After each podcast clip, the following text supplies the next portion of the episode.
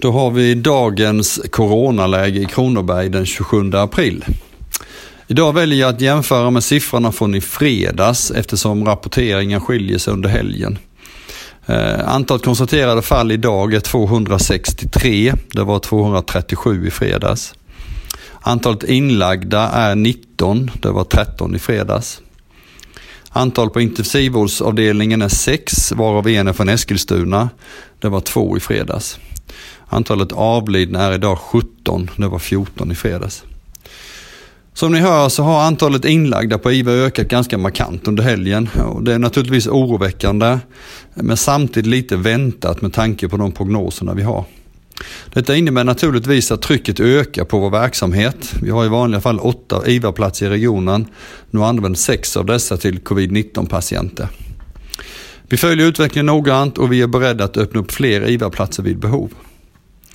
Med tanke på denna utveckling vill jag poängtera att det nu är mycket viktigt att vi alla följer Folkhälsomyndigheternas rekommendationer.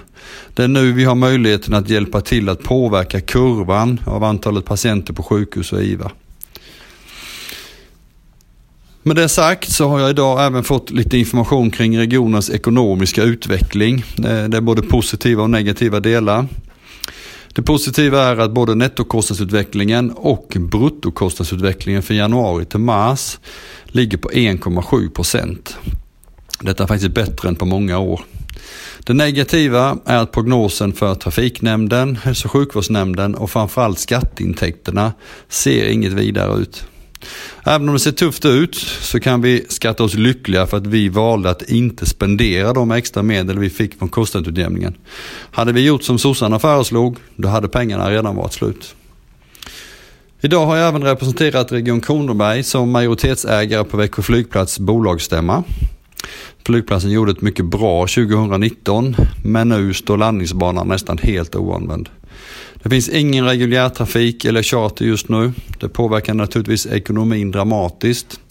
Trots korttidspermitteringar och andra åtgärder så ökar minusresultatet för varje dag. Vi försöker nu på alla sätt påverka regeringen för att stödja de regionala flygplatserna.